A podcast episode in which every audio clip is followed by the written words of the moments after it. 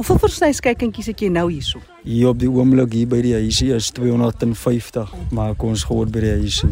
En en hoe oud is hierdie kleintjies? Dis 2 weke oud. Net 2 weke. Hulle is nogal sterk vir 2 weke. Hulle is sterk vir 2 weke. Nou wat eet 'n volstryskyking? Wat is dit? Dis krummels, dis pre-aanvangs en aanvangs. Wat is ons, dit? Dis die kos wat ons wil hê, die krummeltjies. O, is dit nou 'n uh, van 'n korporasie af of was dit Ja, kos wat jy self maak? Van klein Karoo koöperasie O, en dis 'n Boonderus. spesifieke voedsel vir klein volstrysies. Ja, mevrou. En hoe oud raak 'n volstrys omtrent? Hy raak omtrent so 9 of 12 maande se jaar aan word hy geslag of hy word uh, vir broei, broeivoels. Ja. So as hy so volwasse voel is dan is hy net 'n jaar oud. Ja. Wat is die oudste wat jy al weet 'n volstrys geword het? Sê maar uh, 2 of 3 jaar dis broeivoels. O.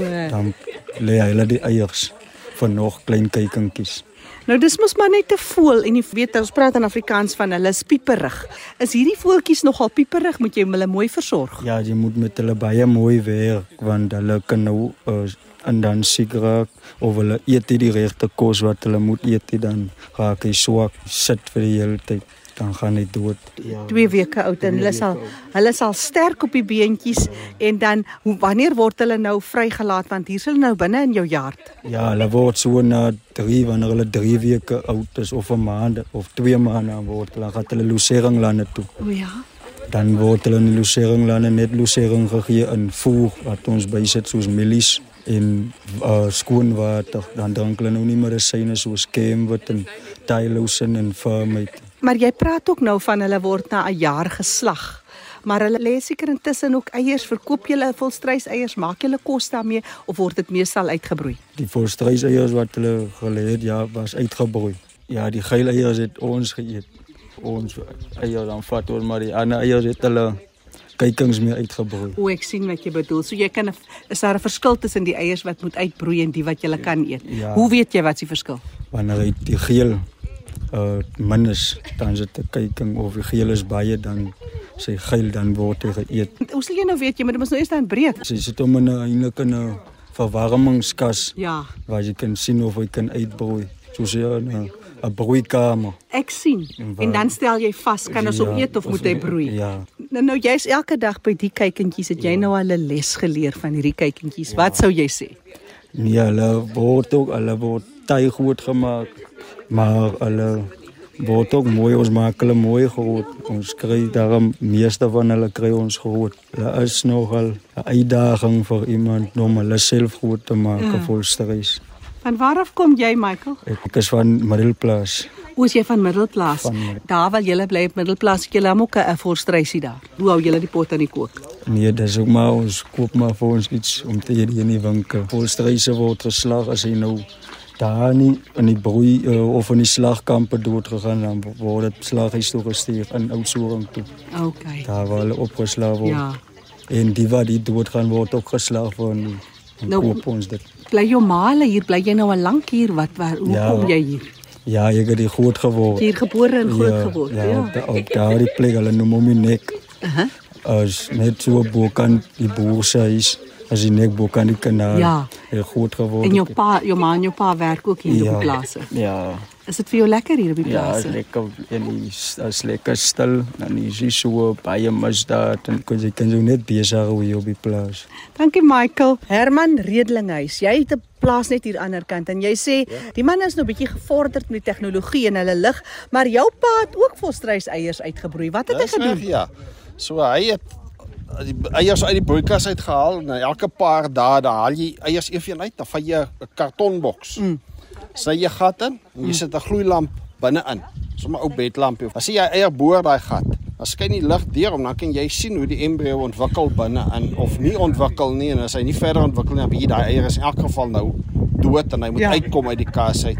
So het ons hulle maar uitgeklas. Wonderlik. Maar jy het nie self nou meer volstryse nie of Nee, ek kan nie self stres nie. My hele saak is ek is nie voltyds op die plaas nie en as jy wil diere aanhou moet jy voltyds Ja, na jou diere ja, kyk. ja. As dit van jou afhang, het jy seker môre kom aftree en kom voltyds boer. Gister.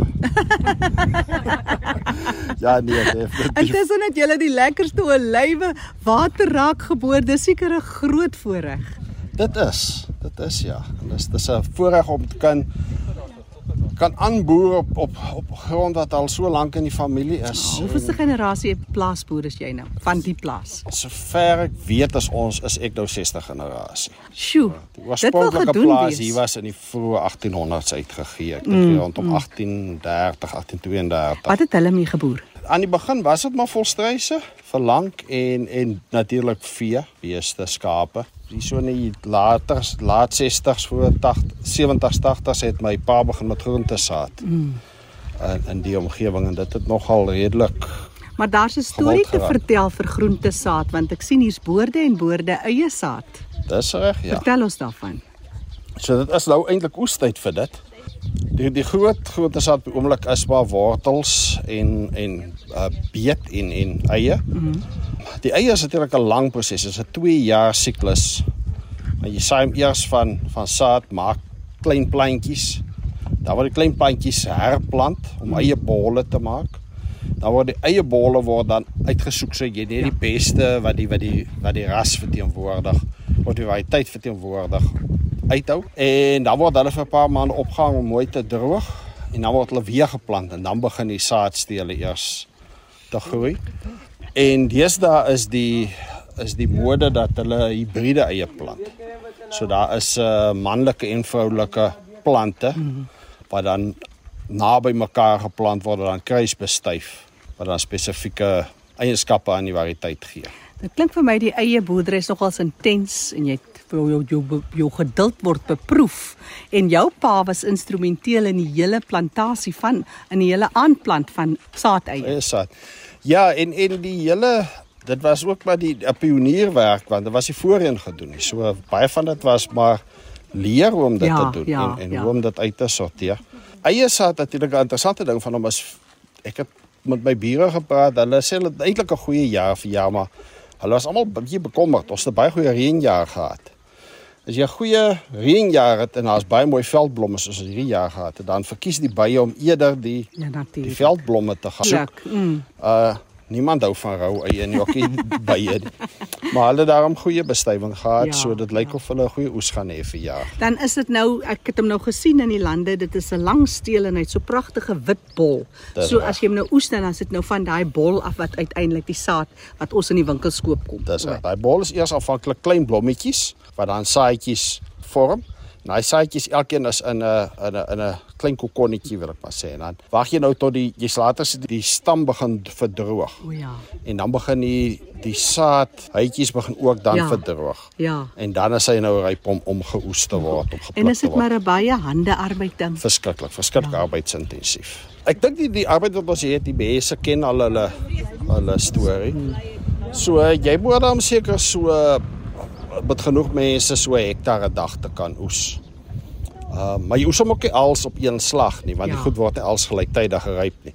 Soos gewoonlik so drie siklusse voor sny na sny en dan op die einde maak hulle skoon En daar's 'n groot mark daarvoor.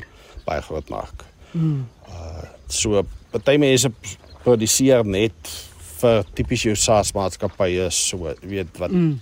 wat jy nou in die winkels kry in hierdie klein pakkies.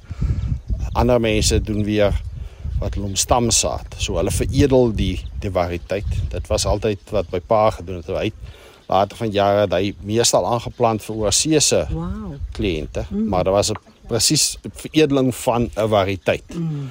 Of as daar 'n nuwe variëteit is wat hulle dan in die mark wil inbring, moet hulle eers genoeg stamsaad produseer om dan weer aan die kwekers weer uit te gee sodat hulle weer dan die massa saad kan kan produseer.